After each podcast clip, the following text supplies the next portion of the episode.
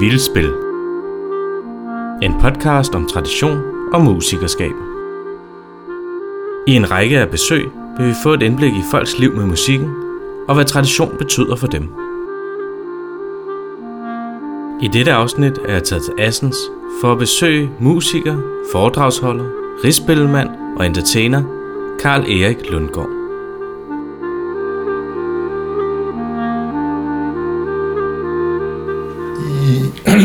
1970, 1975 var det, der øh, flyttede jeg over til Esbjerg og øh, flyttede så til Henne.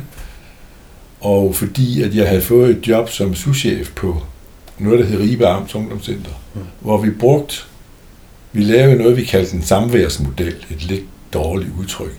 Men det var jo stofmisbrugere og alle mulige andre unge, som havde nogle problemer, som var der. Og vi arbejdede jo hårdt for, at det skulle ikke være sådan et isoleret sted, bare der lå for sig, hvor vi havde sådan en flok umulige unger, og så kunne de påvirke hinanden på dårlig vis. Så det skulle være et åbent sted. Så vores grundlag var egentlig folkemusik. Spil og sang og, og øh, alt det der. Og så havde vi hver mandag, det, der havde vi mandag aften. Og øh, det vil sige, det var åbent hus. Øh, og det havde vi gennem fem år. Så, fly, så flyttede jeg derfra, og så, så, så tror jeg nok, det faktisk døde lidt efterhånden. Ja. Men det var også det er ubegribeligt anstrengende, og, og ligesom skal være inspirator på sådan noget hver mandag, undtagen lige anden juledag, og hvad der kunne være. Altså, det, det, det var... Men altså, det der, det der jo skete ved det, det var, at der kom masser af folk. Altså, der kom jo mellem 80 og 160 øh, hver, hver mandag aften. Og, øh, og så, øh, så tog vi jo ud og øh, besøgte foreninger og noget, som sendte bud efter os, og det var sammen med de unge, som så havde lært nogle sange og havde lært det, de kunne spille på guitar og lidt forskelligt. Men vi kom med noget, der kunne bruges. Og øh, i stedet for, at man skal købe sig til alt muligt mærkelig musik, så var vores grundlæggende tanke, vi skal kunne selv. Og det er en meget god grundlæggende tanke for en stofmisbruger, som vi største problem er mangel på tro på, at jeg er noget som helst. Og det er jo en af styrkerne ved folkemusik, at det er jo i måske mindre nu, end det var dengang, noget man gør selv. Og det er det, der er vokset ud af, at vi kan selv. Det er jo det, folkemusikken er vokset ud af, kulturelt set. At, øh, og øh, så det, det, det dyrkede vi jo så rigtig, rigtig meget. Og så var det, at, at vi, øh, vi var, øh, ham der var leder i starten, han holdt sig op desværre lidt for hurtigt. Jeg var souschef, så blev jeg leder, det havde jeg aldrig drømt om. Og øh, det, det, synes, det var godt nok hårdt arbejde. Men vi, vi, han, var, han ville være dyrke sit kunstmaleri. Der hænger nogle af hans billeder der. Og, øh, og øh, det er jo Line Halskovs far. Ja. Vi, vi, og så en glaspuster. Vi var tre familier, der flyttede sammen på en nedlagt skole derude i Hende. Og øh, så holdt vi åbent hus en gang om måneden. Og der kom jo mange øh, af de der folk, der boede på egnen, og fordi øh, vi kunne jo Tinus repertoire, så vi kunne jo spille de, de danse, der skulle til, og alt det der. Og øh, ja, så er der en lille krølle, jeg lige har lyst til at fortælle. Øh, altså det, det, det kørte så nogle år, og det var dybt fornøjeligt. Så øh, den ligger i hendes Stationsby, den der dyreby gamle skole. Så øh, gik der rigtig, rigtig mange år. Altså det her, det var jo så i øh, 1900, i, sidst i 70'erne. Og så i for halvanden år siden, der blev jeg kontaktet af ældresagen, om jeg ville komme og fortælle og spille til et arrangement, der hed Danmark spiser sammen, og det gjorde så hele Danmark rundt omkring, og med ældresagens hjælp. Og det skulle være på Henne Stations Kro. Sidste gang jeg havde været der, det var jo for, det var jo for 50 år siden, hvor jeg havde spillet til et sølvbrøllup sammen med Ejner Tinus. Og, øh, Jeg var lidt spændt på det, men jeg lavede jo et program, som jeg synes var kunne være passende. Og så... Øh, nej, det var en fantastisk situation. Så da jeg skulle starte, jeg sad jo op på scenen, og så sad de der 120 mennesker, der var færdige med at smaske og spise. Og så skulle jeg så øh, køre rundt med dem i to, i halvanden time. Og jeg synes jo sådan noget er en udfordring. Man skal æde med alle med stramme ballerne og fokusere, og for, for ellers så går det ikke. Nå, men jeg startede med, det var sådan en pludselig idé, jeg fik. Fordi jeg regnede ikke med, at der var en sjæl, der vidste, hvem det var, der havde boet nede på Dyreby skole for 50 år siden. Og så, øhm, så siger jeg til dem, øh, nu startede jeg med at spille en melodi, og øh, I skal høre rigtig godt efter, fordi når jeg har spillet den, så vil jeg spørge jer om, hvad I mener, det var for en melodi. Og så spillede jeg en melodi, nu skal jeg spille den for dig om et øjeblik. Øhm, så spillede jeg en øh, vals af Tinusernes, og der gik cirka 10 sekunder, så sang hele talen med. Og, øhm, og så da den var færdig, jamen hvad var det, spørger jeg så. Jamen det var jo en af Athenus, der valse, og de spillede til, de spillede til vores øh, bryllup, og de spillede til vores sølvbryllup, de spillede til mine forældres guldbryllup, og du ved, jeg blev fuldstændig slået bagover. Og, så, øh, og også over alle dem, der kom og sagde, at de havde været på Dyrby skole, hvor vi holdt åbningsafter mange gange og, spil, og danset til min musik. Og jeg kunne sgu ikke kende dem, for der var jeg gået 50 år, og de så jo herrens gamle ud, ligesom jeg gjorde. Øh, så, men det var, det var en fantastisk situation.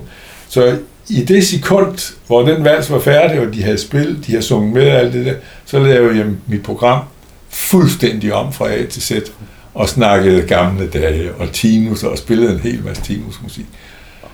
Og sådan noget, det bliver jeg helt stor i hovedet over, at, øh, at øh, traditionen, den stikker sit hoved frem på en ufattelig overraskende og positiv måde. Ja, det synes jeg er godt sådan. Men nu skal jeg spille den for dig. Ja.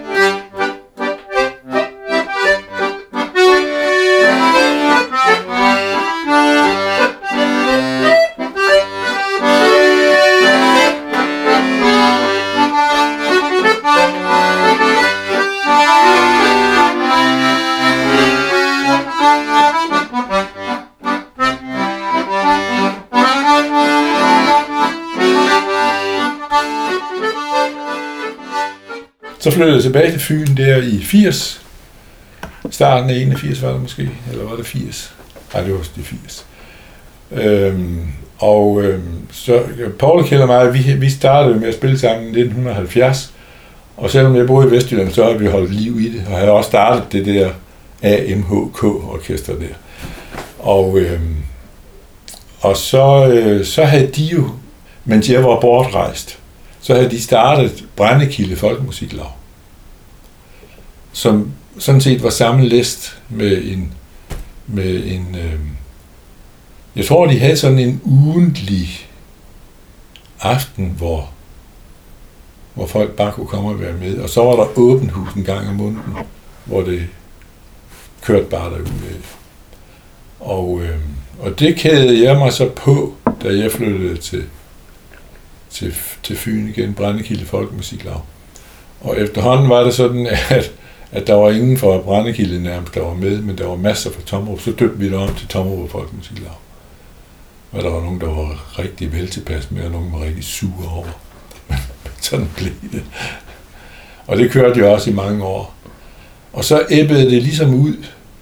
Og, øh, og det, der også øh, lå i det æbbede ud, der var jo sådan nogle initiativtagere, og nogen, der stod i centrum af det.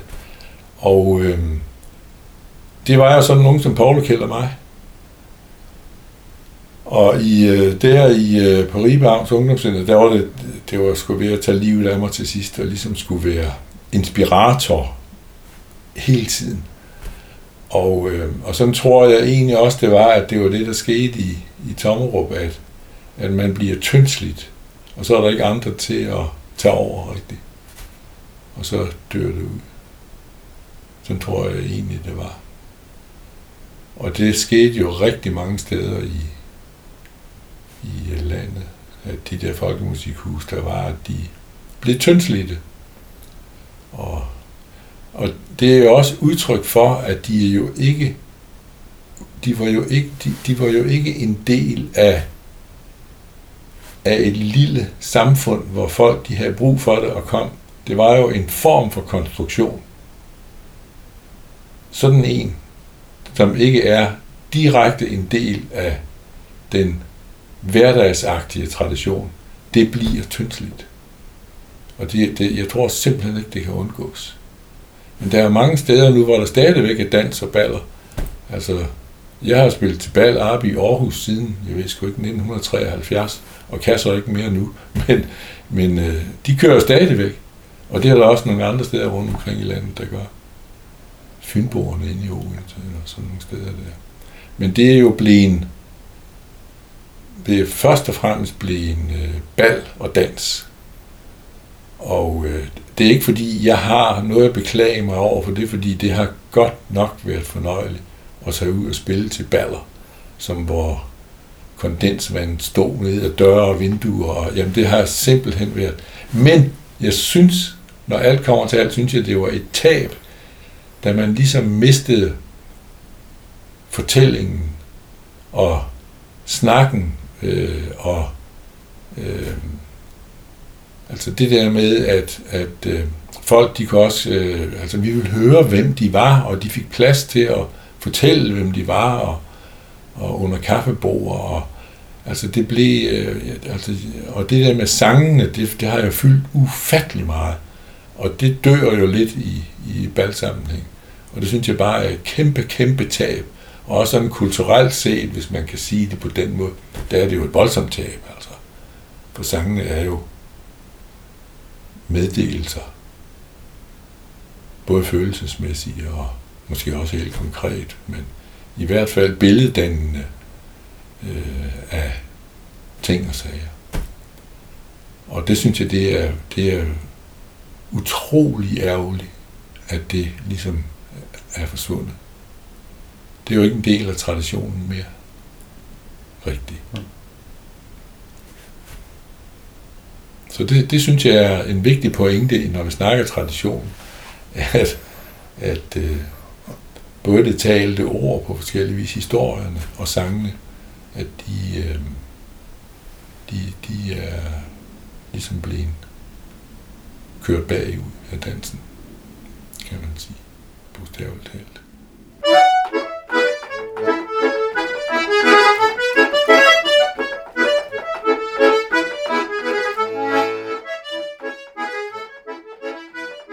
Sammen med musikerne Paul Lindahl og Kjell Nørgaard skabte Karl Erik Orkestret Langnænken. Vi startede med at hedde Fynborgerne i, der i 1970. Og øh, på et tidspunkt, der gik mange år, så øh, overtog lavet inde i Odense navnet og kom til at hedde Fynborn. Øh, og vi, øh, det var, jeg tror nok, det var dengang, men jeg skulle i tvivl om det. Men det kan Paul jo huske, den slags ting. Jeg husker jo som en sig. Jeg er mere, jeg er mere øh, optaget af erindring, end jeg er af hukommelse. Øh, så det der med, hvornår mad var, og hvordan det var det, det har jeg svært ved at huske mange gange. Men øh, jeg mener, at det var dengang, vi udgav den LP, der hed Kær- Kærlighedstræet. At, øh, at vi kaldte det Langlinken, fordi der kom kvinderne også med, vores kone, og senere vores døtre også. Og det har vi haft meget, meget, meget fornøjelse af. Men, det, men vi hed først Fynborgen, og så, så i, i, nogle, i nogle tider, der hed vi jo, hvad fanden var det, Trio Tommerup, kan jeg huske, at de kaldte os der i Aarhus i hvert fald. Og det var, det var sådan lidt øh, svævende. Men, men vores egentlige navn er Langlinken. Trioen Langlinken. Og i en periode, der var det Langlinken Grand, hvor fruerne og vores døtre var med. Det var fantastisk sjovt. Der var det jo, der var det jo rigtig, rigtig meget sangene, der fyldte meget. Altså, det, det var jo primært Paul og Kjeld, der, der havde den her interesse med dronemusikken og øh, balladerne det var mindre mig. Altså, jeg er mere sådan en entertainer, eller hvad fanden skal jeg kalde det? Altså, øh, og, øh, og vores kvinder, de havde jo sunget de der ballader og sange af forskellige art, gamle sange, traditionssange. Det har de jo gjort rigtig, rigtig meget. Så det var sådan en naturlig kobling af det, vi gjorde derhjemme. Det kunne vi da lige så godt tage med i byen. Og så, øhm, så havde vi jo børn, vi havde fået børn jo. Og så tog vi dem med, så de lå og sov om bag ved scenen. Jeg kan huske en gang i, hvor fanden var det, det var oppe ved Yding, tror jeg, i Yding forsamlingshus. Så, øh, jeg kan ikke huske, om det var Nette eller Birgit Paul eller Kjelds kone, skulle øh, synge Malle Brock, så hun simpelthen ikke huske starten. Og øh, vi stod der og øh, spillede forspillet igen og igen, og, sådan, og så, så stoppede vi. Øh, og så gik, øh, lige et øjeblik sagde øh, Nette eller Birgit, hvem af dem det nu var, så gik hun ud, og så ruskede hun i Karen, Karen Mose. Karen, for den er det, Malle starter. Malle ja. Men, øh, og så kom hun så med starten der, og så faldt hun i søvn igen, og så gik det. Altså sådan nogle billeder er jo ren herlighed at have. Men det synes jeg jo også er en, altså jeg ved ikke, om man kan sige, at det er en del af traditionen, men det er i hvert fald en del af min tradition, at øh, sådan noget det kan forekomme. Og det der med, at vi, øh, vi først havde vi børnene med, og så efterhånden så fik de en plads, fordi de sang skide godt. Har du nogensinde hørt dem synge? De synger skide godt på nogle af de der CD'er, vi har lavet, hvor de er med. Men øh, det der, hvad var det, du spurgte om? Altså, det var det der med, om, om, øh, om øh, vi sigtede efter noget bestemt, eller... Ja. Det ved jeg ikke. Altså, altså, der er selvfølgelig noget, vi har arbejdet med på forskellige vis. Altså, Paul og Kjeld i særdeleshed har arbejdet meget med dronemusikken, og ville gerne rigtig meget der. Og jeg hang på så godt jeg kunne. Altså, jeg har jo altid været kritiseret for, nu ikke så meget af Paul og Kjeld, jo, men at en harmonika har faste toner. Det har en sækkepive, ikke. Men det har en drejlige, den er jo også på kanten, kan man sige. Men, men, øh, men jeg har fulgt med i det så godt jeg kunne, og det har vi haft rigtig, rigtig meget glæde af. Og, øh, og en af de allerstørste glæder, vi har haft, det var, at, at øh, Paul og Kjeld, de fik droneprisen her for ikke så længe siden. Og øh, virkelig, virkelig, virkelig øh, så dejligt. Og nu er Kjeld jo ikke mere, men han nåede jo at opleve, at han fik prisen, og det, det er bare et dejligt billede for mig.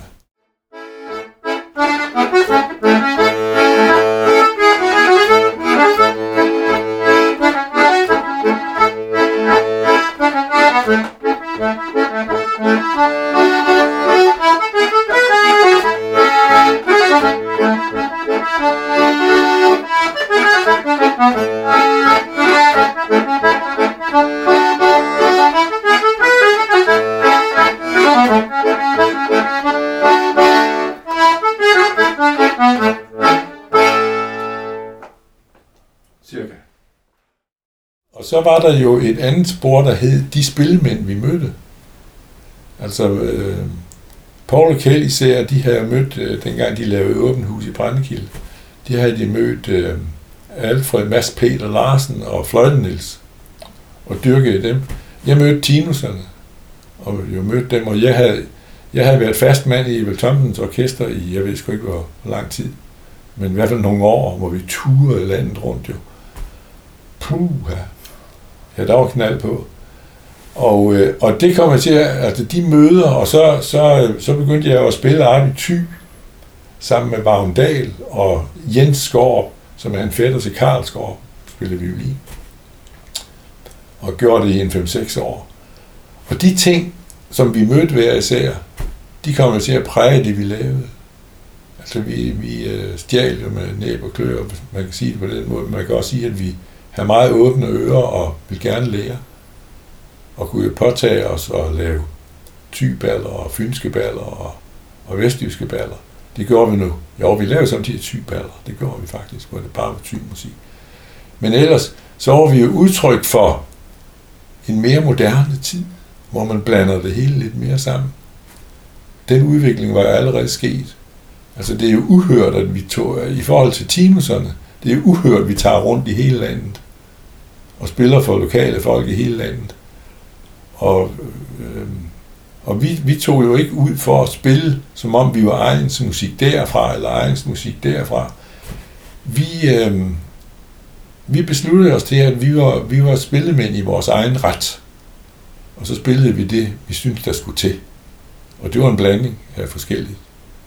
Og det er udtryk for tiden. Og øh, det ved jeg i virkeligheden ikke helt, hvad jeg mener om.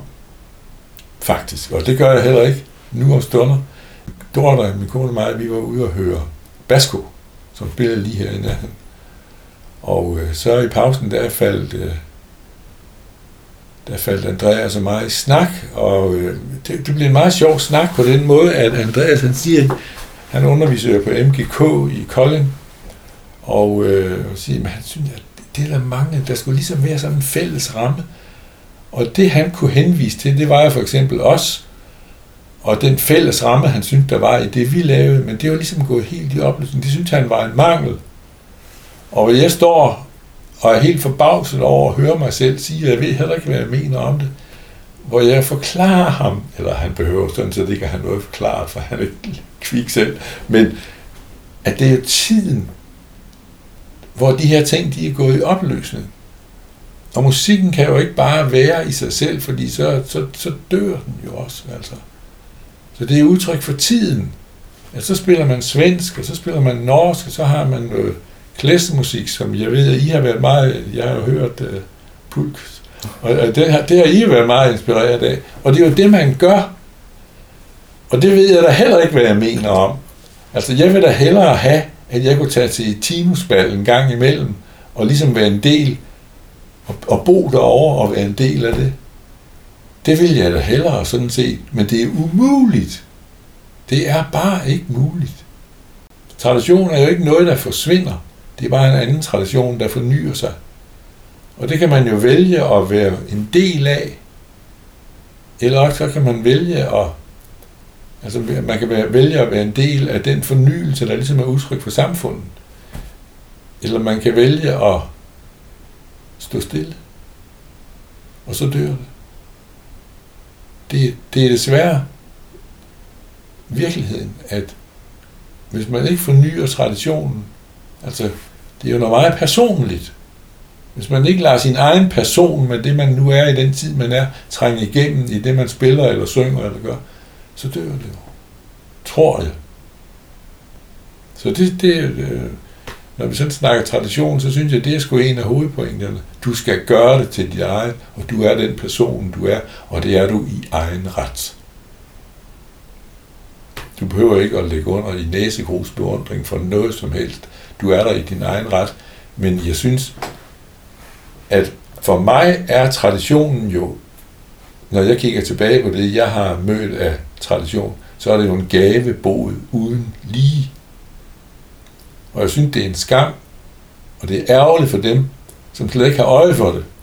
Det synes jeg virkelig er ærgerligt, fordi det er en gratis, umådelig gave, at man kan tage mange hundrede års erfaring og muligheder. Dem kan man tage med, og man kan, man kan brage og vælge i den, som man vil, og gøre det til sit eget. Det, det synes jeg er det fantastisk styrke ved, ved det, der er tradition. Hvis man ser sådan på det, at det er urørligt, så er traditionen farlig. Fordi så, så tørrer man ind, så sender man til. Og, og, og den, du, du har, i din sms der, der sagde, at du vil også gerne snakke om det der med, hvornår kunne jeg synes, at, at traditionen var negativ. Det er lige nøjagtigt der, hvor man skal gøre det på en helt korrekt måde. Og det er fuldstændig åndssvagt. Det er bare, det, det er simpelthen totalt tåbeligt, fordi det, for mig at se, er det et udtryk for, at nu har jeg opdaget, hvad der er sandheden, så skal alle være ligesom mig. Og det er jo velkendt i mange, mange forskellige sammenhænge, og det duer bare ikke. Det er pissefarligt. På mange, altså også, hvis man kigger på bredere kultur og, og politik og hvad ved jeg. Det er jo interessant at høre de nyere og yngre grupper spille. Det er, øh, altså jeg opfatter ikke, at der er nogen af dem, som er bundet af tradition, vil jeg sige. Det, det er ikke på den måde, jeg synes. Men, men øh, jeg synes, at man er mere optaget af smarte arrangementer, end af, nu skal du bare høre her. Nu skal du bare høre her. Jeg har noget at fortælle. Noget er med ord, og noget er med musikken. Men jeg har nogle oplevelser, som har været med til at forme mig. Nu skal du bare høre, hvem jeg er. Nu skal du høre. Altså, at man gør det til sit.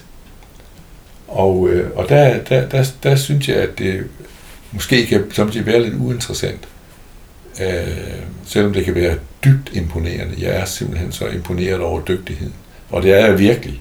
Øh, man bliver jo sådan lidt ramt af det, som den, der er ældre og måske ikke så dygtig. Øh, på den ene side. På den anden side, og det ved jeg i hvert fald gælder Hans Tinus. Han stod med sine ben plantet i total sikkerhed på jorden, og var ikke til at vælte dem kul. Altså, han var ligesom træerne og buskene derovre, de står sådan her, men de er fandme ikke til at vælte. Og, øh,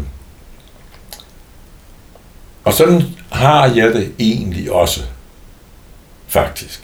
Altså, jeg har været meget optaget af tanken omkring det her, fordi jeg har mødt så meget traditionsmusik, og så mange af de der gamle kæmper, hvor man jo blev så fandens usikker, øh, fordi man kom der som sådan en lille, øh, ung, øh, forsigtig fynbo over de der vestjyske øh, brave af mennesker der.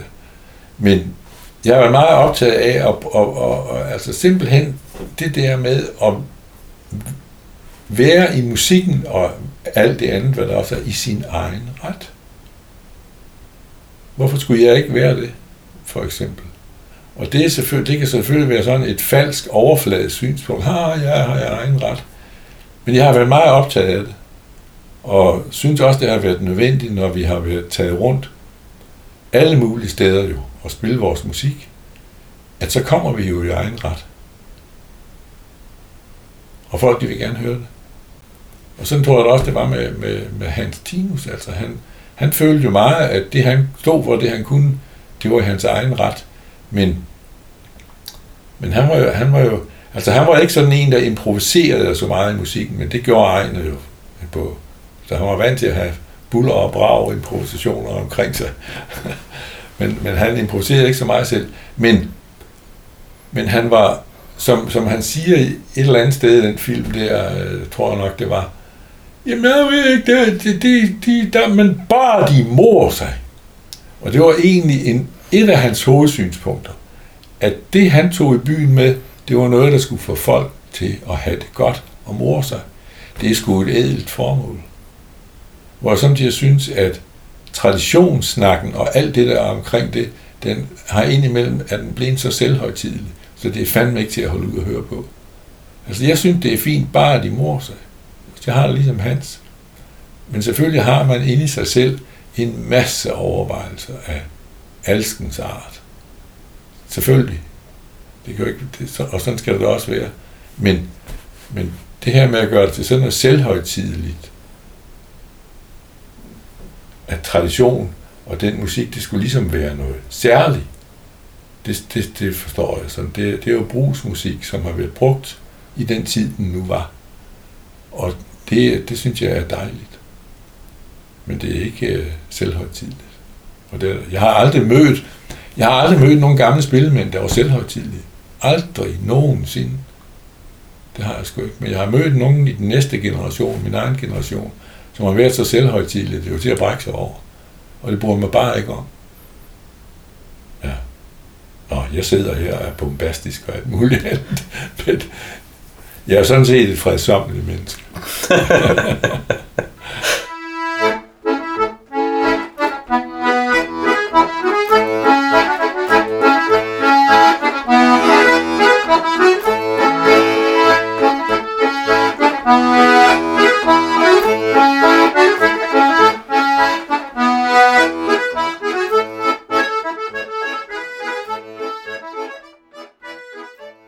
jeg synes jo, at jeg har haft mange billeder i hovedet, når jeg spiller.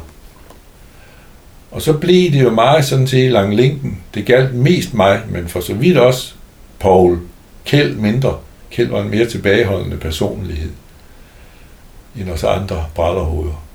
Men primært mig, jeg skulle altid fortælle et eller andet, når vi i pausen, det blev jo til, at vi, når vi øh, spillede til bal, så i pausen, der skulle der være noget til ørerne, noget musik. Og så holdt vi en lille minikoncert på måske en halv time. Og det blev samtidig til, at jeg fik en albu. Altså, nu, har du, nu har du introduceret den her i kvarter, skal vi ikke snart spille den? Og det var jo både tragisk og sjov. Øh, og, men jeg har bare altid godt kunne lide det, fordi jeg har syntes, at det har haft en betydning for mig. Eller jeg har ikke kunne lade være for helvede, vil jeg da snart sige. Det er jo en trang. Det er jo simpelthen en trang. Og øh, så det blev sådan en naturlig ting, også øh, sådan som siger imellem numrene og sådan, og til et bal og sådan noget, at jeg så sagde noget. Og så, øhm, så var der engang en, der spurgte, kan du ikke komme ud til os og fortælle lidt om alt det her? Primært fortælle, og det kunne jeg da godt. Og, øhm, og så jeg tror sgu, det var ude i øh, det, der hedder, det hed Mimeteateret ude i i Odense, hvor vi så lavede sådan en aften. Og det gik sgu godt. Og så var der nogle andre, der spurgte, om ikke jeg kunne komme der, og en kirke ude i Odense også. Og der blev jeg ringet op af organisten, at de havde et hovedtema, der hed øh, De syv dødssynder. Og om jeg ikke kunne tænke mig at komme og fortælle om et af dem, det, jeg kendte sgu ikke de syv dødssynder, det må jeg da indrømme. Og øh, og så, så, så tilføjer hun, jo, og vreden, den er ledig. Det synes jeg lød interessant. Og bare ordene, vreden er ledig. Det er der en rigtig god historie i. At vreden er ikke optaget, den er ledig. Det kan man vende på kryds til tværs af alt nu. Så det gik jeg tænkt rigtig meget over, og så tog jeg ud, og så lavede jeg et halvandet times program om vreden og ledig. Og så fik jeg jo sådan set smag for det, og så skete der jo det, at min øh, arm blev dårligere og dårligere, og så på et tidspunkt, så måtte vi lukke ned. Jeg kan ikke huske, hvornår det var, vi havde vores sidste bal. Men det var i Højby på et eller andet tidspunkt. Og, øh, og så viste det sig, og det var, det var jeg ikke klar over, da det skete, men så viste det sig, at det var jo en åbning for mig til det andet med at fortælle. Og jeg kunne stadigvæk godt spille, som jeg også kan nu, men ikke længe, og ikke øh, det der blære hurtigt noget. Men øh, så, så, jamen, så åbnede det sig jo, og så, øh, jamen, så dykker man jo ned i det og ser, hvad har jeg egentlig? Og så skrev jeg min, sådan for min egen skyld, min erindringer fra min barndomstid, indtil jeg kom i gymnasiet. Og øh, for at se, hvad, hvad har jeg egentlig af stof? Og jeg blev dybt forbløffet over, hvad jeg havde af stof. Øhm, både af, altså det, at jeg har haft polio, det har spillet en kæmpe rolle i mit liv. Øhm, på godt og ondt. Også på godt. Ved du, hvad en af de gode ting det er? En af de gode ting, det er, at når man spiller harmonika, så der, hvor man former det, former det, med fortællingen, der, hvor man kan få følelserne ud i instrumentet, det er venstrehånden og bælgen. Jeg har aldrig haft nogen viden om. Men jeg kunne jo se, og, og, fordi det var der min stærk side var. Men jeg kunne jo høre, jeg spillede faktisk bedre end de fleste, når det kom til at få folk til at lytte. Det er rigtigt. Selvom det lyder som en gang pisset pral. Men, men jeg kunne se, at jeg kunne få folk til at lytte. Og så, fandt, så skete der det, at Torkel Knudsen op i HR, han bad mig om at skrive nogle overvejelser om, hvad vil det sige at have den her dårlige arm, og så blive spillet med Det synes det var noget mærkeligt noget at spørge mig om. Men jeg satte hen, det er mange år, det er endnu før det, jeg ellers fortæller om her. Men øh, så skrev jeg en 3-4 sider og fandt ud af, og der gik simpelthen en pros op for mig, at jeg definerede min min, øh, altså min øh, højre arm som min største gevinst, for den havde udviklet min venstre. Og øh, jeg kan jo se, hvordan tiden er gået, at, at øh, det der med at være optaget af bælgen, både som noget hurtigt, rytmisk noget, men også det der med at forme og lade tonerne glide ud, at, øh, at det er der nogen, der bliver mere interesseret i. Og det, det, det er jeg vildt glad over sådan noget. Fra 2000 til 2004, der røg jeg ind i et sort hul. Depression. Men bevarede en del af mit arbejde. Jeg var lige blevet udnævnt til, til koordinator, men måtte droppe det. For jeg sad der bare. Og det er, en, det, er en, det er en længere historie, men det korte og lange, det er, at jeg kom væk fra min mor og far i, da jeg var tre år, der kom jeg væk fra dem i, jeg tror det var otte måneder. Og var, øh, jeg var tre år gammel, så jeg havde jo ikke... Øh, men det har bare sat sig i mig som noget, jeg ikke vidste, der var det. Jeg præget hele mit liv, at jeg sådan set blev smidt på mødingen af min morfar. Det gjorde jeg ikke. Min morfar var nogle rigtig gode, kærlige mennesker. Men vi sås næsten ikke i de otte måneder. Derfor en treårig dreng, der bliver det til. Min morfar, de ikke ham. Det har jeg så bøvlet med i alle årene, og jeg ved lige, hvordan det er foregået, og hvad det har været. Men jeg har aldrig haft en bevidst tanke på det. Aldrig nogensinde, at jeg skulle have et problem det. Så pludselig så ramlede det hele sammen. Og så kom alt det der op. Og det er selvfølgelig en dårlig historie, at man er sortsynet og depressiv i fire år. Men der er også en gevinst i det, at man lærer sit eget inderste at kende fuldstændig. Og jeg kan huske, at vi berørte lige noget med det spirituelle sidst du var her. Og det blev en åbning for mig til mit eget sind, hvor jeg jo har fået en erkendelse af, at i ens eget sind, der kan man meget, meget mere, end man aner. Så kan man kalde det spiritualitet eller religiøsitet eller hvad. Det skal ikke gøre mig klog på.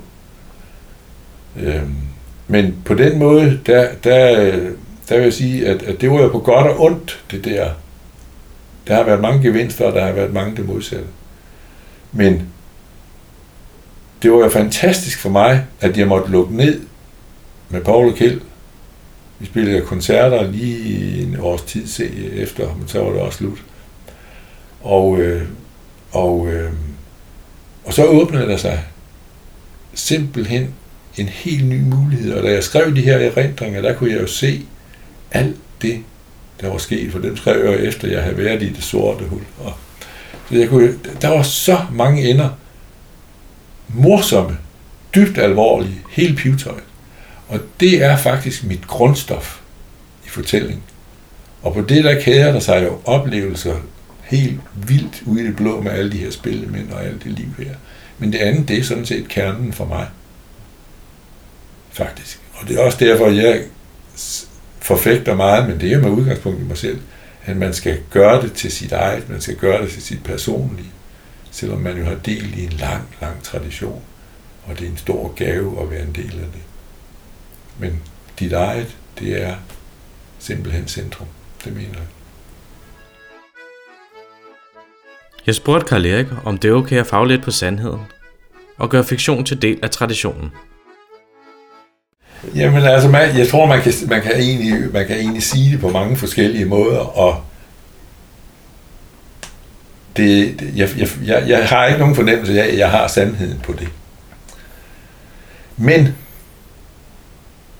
jeg stiftede bekendtskab, jeg har ovenikøbet, det, det var den samme maler, Ole Halskov, der malede et billede, som han kaldte for erindringen Si. Erindringen Si. Og øh, hvor for mig er det sådan, at jeg lavede i øvrigt også sådan et, øh, et fortællestykke sammen med en pianist og skuespiller, der hedder Lisbeth Møller, som er organist nede i Sankt Jørgens Kirke i Svendborg nu. Det er en anden citat, men den hed Erindringen sig, det stykke, vi lavede, fordi det, handl, det handlede simpelthen om det forløb med polio og sort hul og alt det der. Og Erindringen sig er noget, som er et begreb, som jeg egentlig benytter mig meget af, fordi at jeg synes, at der er kæmpe, kæmpe forskel på det, man kan kalde hukommelse. Hukommelse, det er sådan en stabel af facts i en bestemt kronologi, fordi det skal være ordentligt, og det skal være rigtigt. Når erindringen, eller hukommelsen for den sags skyld, synker ned igennem erindringens sig, hvad tager mange år. Det er derfor, det er dejligt at blive halvgammel. Det tager mange år, og så, så står man der med erindring. Og hvad er erindring? Ja, det ved jeg sgu ikke rigtigt, men det er, erindring, det er mere følelser, billeder, fornemmelser og anelser af noget. Og, og det er sådan, jeg fortæller, at jeg er ikke optaget af facts. Og hvis jeg, skal, hvis, hvis jeg nu skal fortælle en historie, som strækker sig over 15 år, og jeg har cirka et minut eller to til, men der er en bestemt kerne i det, jeg vil have frem, så sigter jeg mod den kerne, fordi det er den følelse, jeg vil have. Og så kan det godt være, at jeg fortæller nogle andre facts. Men jeg vil have meddelelsen, og kernen det er den, jeg går efter. Fordi det kan jeg tillade mig, fordi jeg har lavet det synke ned igennem erindringens sig. Og på den måde laver jeg også nogle andre billeder af både Hans Tinus og Eva Thomsen osv., som jeg samtidig mister jeg overblikket over, hvad der egentlig er facts, og hvad der ikke er facts. Men det tager jeg kølig og rolig. Fordi det er sådan, historier og myter, de opstår. Dem, der bare vil fortælle facts, jeg gaber kæverne af led. Og i den forbindelse, der er det jo, der, altså når jeg siger, at jeg er jo mere sådan en slags entertainer, eller hvad fanden skal kalde det, altså, det, jeg er også lidt uretfærdig over for mig selv, når jeg siger det, fordi jeg synes også, at jeg er en traditionsspillemand. Men jeg kom jo til at spille ude ved et uheld. Da jeg var 14 år, var der nogen, der spurgte, om ikke jeg kunne komme og spille til en, til en konfirmation. Og på en eller anden måde, så hørte jeg, der kom ud af min mund, at det ville jeg gerne. Og jeg var rystet over det. Så jeg tog søndag eftermiddag ned i sådan et træhus, der skulle jeg ned og spille til den her fest. Og jeg var så rystende nervøs, siger jeg dig. Og så oplevede jeg, hvordan det bare kørte. Og jeg oplevede også, at min højre arm, den kunne ikke rigtig klare det. Men jeg kunne alle teksterne. Og når så min højre arm den faldt ned, så vidste jeg, at den lige skulle have et par minutter, og hvis det var midt i et år, så sang jeg bare. Og så sang folk med, fordi det var, det var musikken fra Sive 413, det var den, jeg kunne. Og, øh, og så sang folk bare med. Og der var ingen, der lagde mærke til at holde op med at spille. Og, øh, og jeg fandt ud af det der med, at, at øh, jeg, jeg, det gik faktisk skide godt. Og da jeg tog hjem derfra, der havde jeg tre nye bestillinger i min baglomme. Jeg var dog ikke mere end 14 år. Og så, tog, og så, så gik der jo virkelig nogle år der, hvor jeg bare kom til at spille og spille og spille til privatfester. Og det var jo repertoireet, som det var blandt almindelige folk, der hørte radio. Og det var min indgang der var nogle andre ting, jeg var alt fascineret af. Bror Kalles kapel, der spillede ældre dansk musik i. Det, var, det hørte jeg altid, for jeg synes, det var noget. Og, øh, men på den måde kan vi sige, at jeg er jo startet som en festmusiker, som, hvis det skal være rigtig ordentligt, og det var bare med min harmonika, ingen forstærkning. Jeg sang jo bare ud i forsamlingshuset, eller hvad det var. Sad i et hjørne der. Og det var kraftigt med hårdt arbejde, fordi det var tit, man kom og skulle starte spil til maden, når klokken den var måske 6, og så var man færdig, når den var to-tre stykker om natten. Det var fandme hårdt arbejde. Men jeg var god til det. Og det var der, jeg rigtig lagde mærke til, at, at det der med at stå over for et publikum, og se, om man kan få skovlen under dem, og få omfavnet dem, og at det var jeg god til. Det var ikke noget, jeg fik nogen større, dyb erkendelse af dengang. Det kan jeg ikke men set i erindringen sig, der kan jeg jo se, der var en ung mand der, det kunne han. Og det har jeg aldrig sluppet, den fornemmelse. Altså jeg ved jo, for eksempel, jeg har også hørt det, at nogle yngre spilmænd, de også taler lidt nedsættende om min kunde. Og øh, det er helt roligt ved. Fordi jeg ved, det jeg kan, det er, når jeg står over for et publikum, og det er egentlig det eneste, jeg er interesseret rigtig i. Det er at stå over for et publikum og mærke ilden i lokalet. Men det kan jeg bare mærke, det er jeg god til.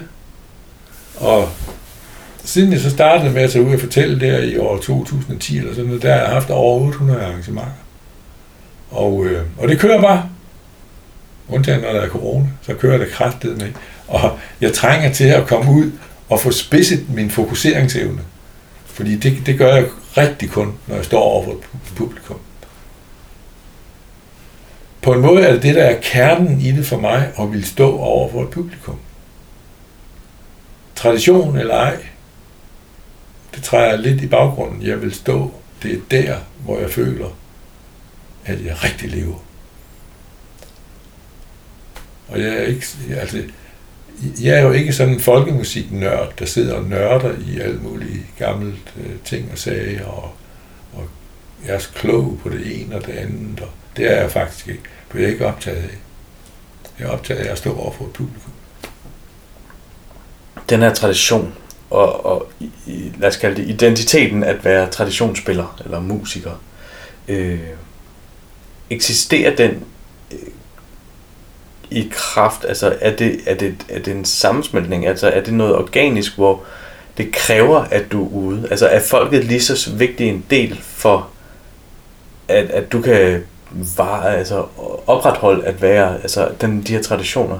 Eller vil du kunne rulle gardinerne ned, og så bare blive derhjemme, og så øh, have det samme syn på det? Det er jeg ikke sikker på, men jeg vil sige, at der er to sider af den sag der for mig. Det ene, det er, at, at øh, stå der. Og det andet, det er, og sådan har det været i, øh, jeg skulle altid have glæden ved at sidde alene og spille.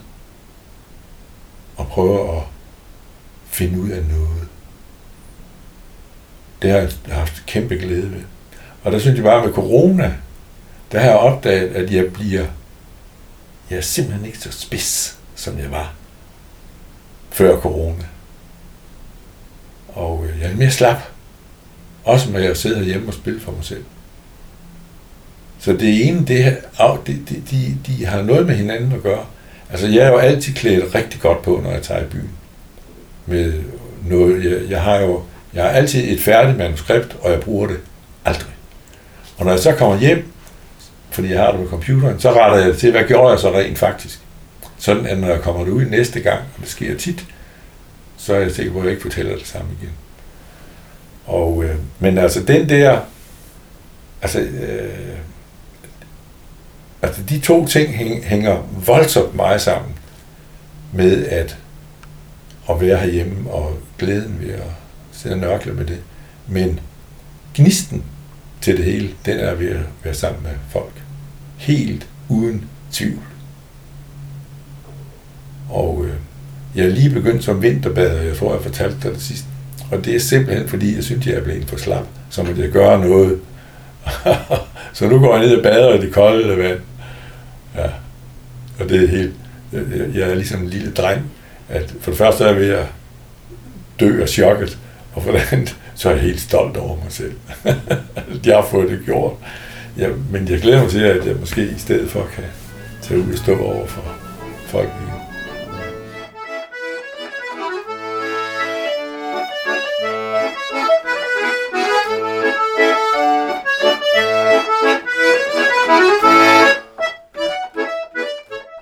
Jeg spørger Karl Erik, om han mener, at tradition er vigtigt.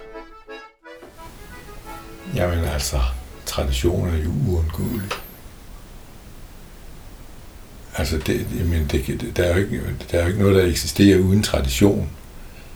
Det kan så eksistere på forskellige måder og, og i forskellige sammenhænge, så, men, men kig på tømmerfaget, altså det er jo også øh, udtryk for tradition. Og, og hvis du kigger på, hvordan bygningerne er i Holland, og hvordan de er i Danmark, så kan du jo også se, at selvom vi er to flade lande, så har vi forskellige traditioner. Og det er jo uundgåeligt. Så, så om det er vigtigt, det ved jeg, altså, det uundgåelige, det er vel vigtigt. Og øh, altså, man, man kan jo ikke, man kan jo ikke, øh,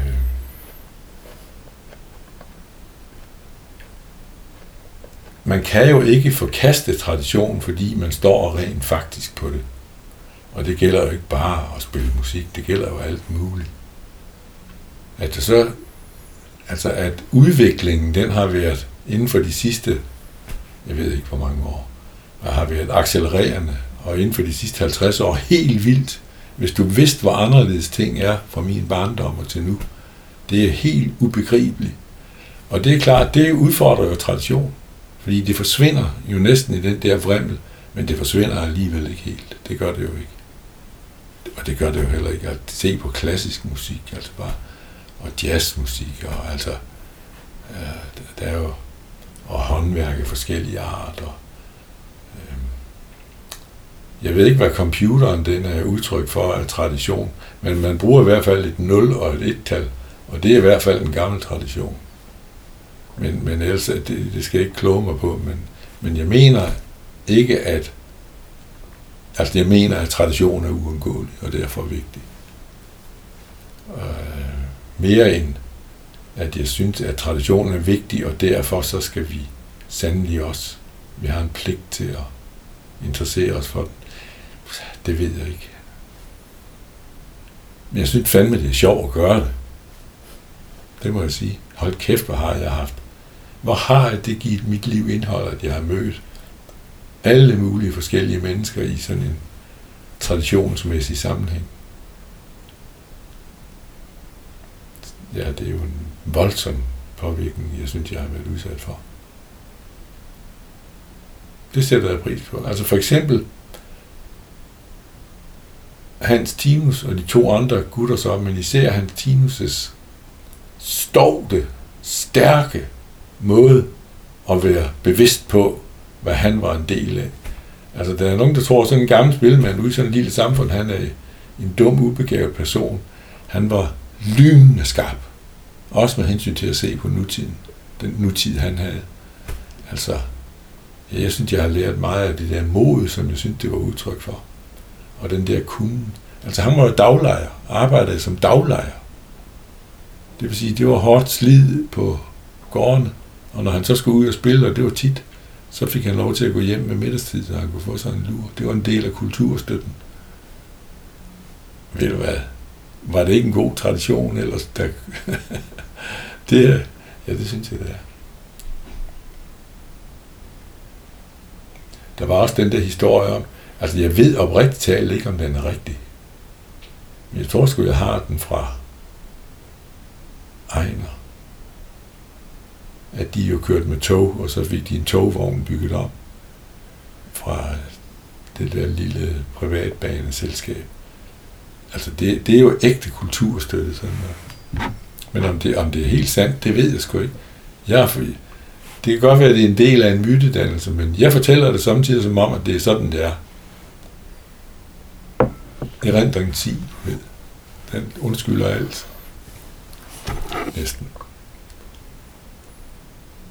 Men så var der Eva. Det var en helt anden historie. Jeg var jo med en gang, hvor Evald og hans Tinus, de skulle mødes. Hjemme i hans Tinus' stue. Og Evald var jo en farlig kærl. Det var hans æt. Han, han, den gav ikke udtryk for, at han var en farlig kærl. Men øh, Evald han vimsede rundt og prøvede at få lidt gang i Hans, og Hans, han ville ikke, der, han ville ikke, der skulle ikke være gang i ham, det var han ikke interesseret i der.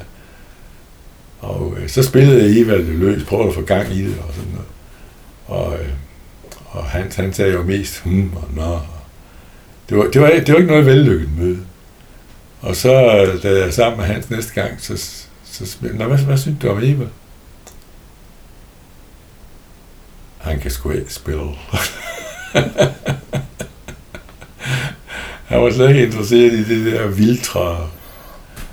Altså Evald, han var jo, han var jo overhovedet ikke, det var i hvert fald ikke det, det kan godt være, at han har gjort det tidligere, men i den tid, jeg kendte ham, der var han jo alt andet end dansespilmand. Altså han var jo slet ikke optaget af det der kropslige. Altså han spillede de fleste hops alt for hurtigt og sådan, og han altså, og satte jo numrene sammen på en måde, som var helt ude i hampen til et bal og sådan noget. Der. men han kunne jo fortælle historierne med sit spil. Så det, var, det, og det, det må jeg sige, der, der har Evald været den store inspiration for mig, med det der med at fortælle historierne i musikken. Formidabelt, og også historierne med, med det talte ord. Hold kæft, hvor han var fuld af historier. Og der, der var en gang, hvor jeg kan ikke huske, hvad han sagde. Jo, jeg tror han, jo, der, der var Hilbert, hans bror, der også, nede ved Ståby, hvor han boede, Evald. Og så sidder, øh, så siger øh, Evald til øh, Hilbert, kan du huske dengang vi spillede dernede, hvor, hvor der var sand over det hele? Åh, oh, ja, ja, de gik i hvide kjortler. Ja, det var en bryllup. Hvor var det noget, det var? Og jeg sad og lyttede og tænkte, hvad fanden er det for noget, det her? Jamen, det var dernede i det, der hedder Kanaan. Var det Kanaans land, de kaldte det? Og du, det var jo der, hvor... Ja, så, så, så var der sgu ham, en, de kaldte Jesus, der kom. Og han... Øh, og han, han, han, de, var, de var skulle løbe tør for vin, det er jo en tragedie i sig selv. Og så fortalte de videre om, hvordan han lavede vand til vin, og, og det, det bryllup, det spillede de så til. Og så er der, de her fortalt historien, og der er faldet ro over det. Jeg sad med store øjne, jeg havde lige mødt dem. Så, øhm, så stikker Else, Evals kone, hovedet ind ad døren til stuen, hvor vi sad. Hun kom ud fra køkkenet, og så siger hun, åh, Eva, du er sgu så fuld af løgn, siger hun så. Og så rejser Eva sig indigneret op og siger, ja, det er jeg, man skal jeg da leve, siger hun så. Og det, det hyldede han meget, det der. og det har jeg lært rigtig meget af. De der, alle de der sære historier, han diskede op med. Men det var den mest imponerende, at ham og Hilbert, de har spillet til bryllup i Kanaans land traditionerne trængte jeg også igennem på en måde. Jeg synes jo, at det der billede af Hans Tinus, altså han passer jo lige ind i alt det der. Han er en virkelig, virkelig sej jydetamp. Og musikken, den er virkelig, virkelig sej, og landskabet, det er virkelig sejt, og alt det der. Og det er klart, det er noget helt andet med sådan en som Evald. Hvis du nu skulle vælge en, en personlig ting, en fysisk ting, ja som ligesom øh, fortæller noget om, øh, som betyder noget om tradition for dig? Jo, det kan jeg godt have mm. tænkt over. Og øh, altså jeg har jo også tænkt på, om jeg nu skulle gøre det, altså prøve at gøre det ud fra en genstand, som ligesom var udtryk for spillemandstraditionen, eller sådan noget. Og, øh, men det nærmeste, jeg er kommet det, det er at tage udgangspunkt i det personlige. Og øh, det jeg er nået frem til, det er, det er den her. Altså ikke lige den her, men sådan en. Og det hænger sammen med, at, at da jeg, jeg var jo tre år, da jeg fik polio og kom på, på øh, Vejle sygehus og var på Vejle sygehus indtil, jeg tror det var midt i januar. Så det var julen over, og når man fik polio, så er det ligesom med corona, så skulle man i isolation. Og, og det var jo for så vidt meget værre, fordi man anede ikke, hvad der var. Man vidste bare, at det smittede. Og, øh, så der var jeg i isolation på Vejle sygehus først, og kom så et andet sted hen senere. Og, øh, og min mor og far, dem så jeg igennem sådan en glasrude sådan en rund glasrude i døren, kan jeg huske. Og så var der julen over, og så det eneste, jeg ønskede mig, det var en mundharmonika. Og øhm, det øh, måtte jeg ikke få, fordi at det var en voksenafdeling, jeg lå på. Og det blev for, en stor, for stor belastning for de andre. Jeg var det eneste barn, der var der selvom det hed børnelammelse, jeg synes egentlig det. Men det er det, jeg har fået at vide, for jeg kan ikke selv huske det der. Men det har jeg fået at vide af min mor. At det eneste, jeg ønskede mig, det var mundharmonika. Men så plagede mine forældre øh, personalet det, og så endte det med, at oversygeplejersken sagde, så lad ham da få en mundharmonika. Så fik jeg en mundharmonika, og jeg, jeg kan, det kan jeg huske, hvor fantastisk jeg synes det var. Men jeg, jeg var faktisk i tvivl om, hvordan man skulle spille på den så var der en fyr på, jeg tror han har været 14-15 år, som, som, som, det kan jeg godt vise dig, sagde han så. Men han var så bange for det her med at smitte, så han turde ikke lade sine læber røre ved harmon, mundharmonikaen. Så han sagde, du skal bare puste.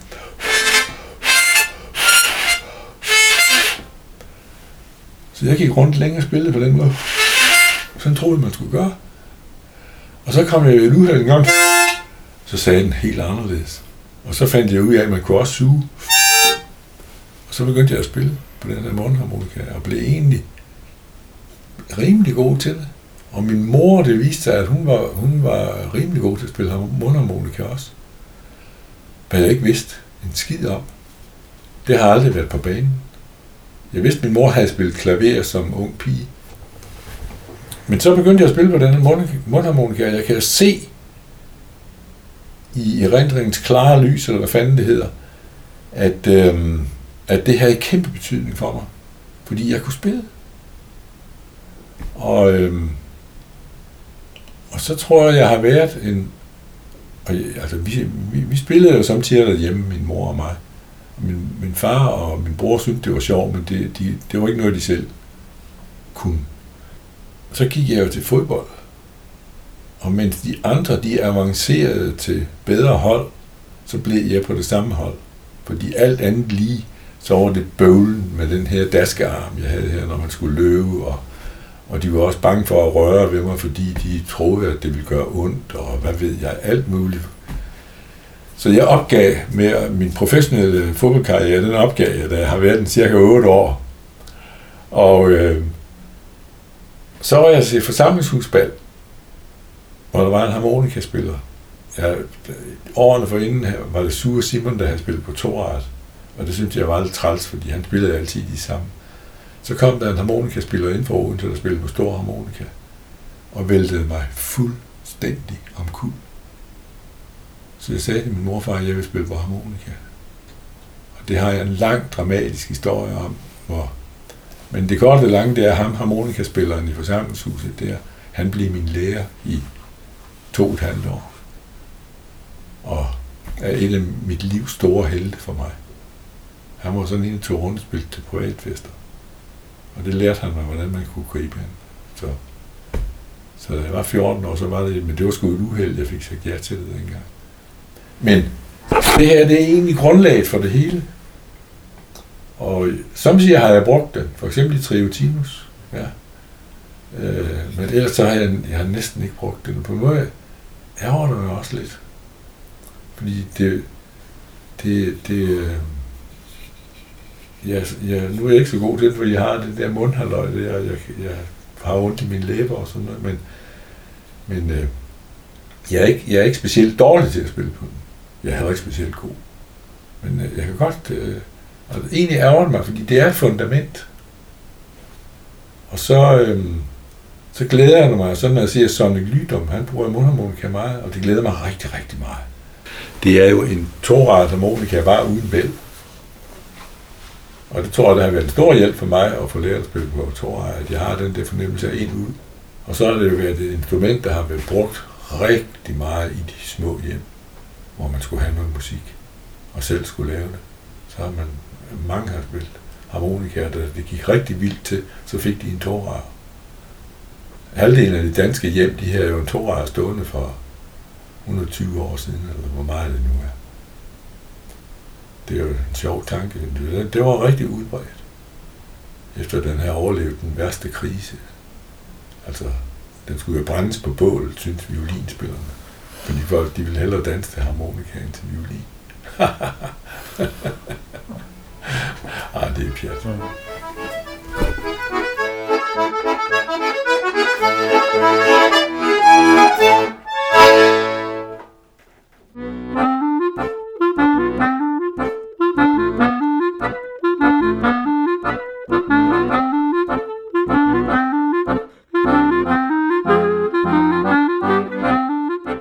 Hvis du vil høre mere om projektet Vildspil, kan du gå ind på min hjemmeside www.benjaminbæk.dk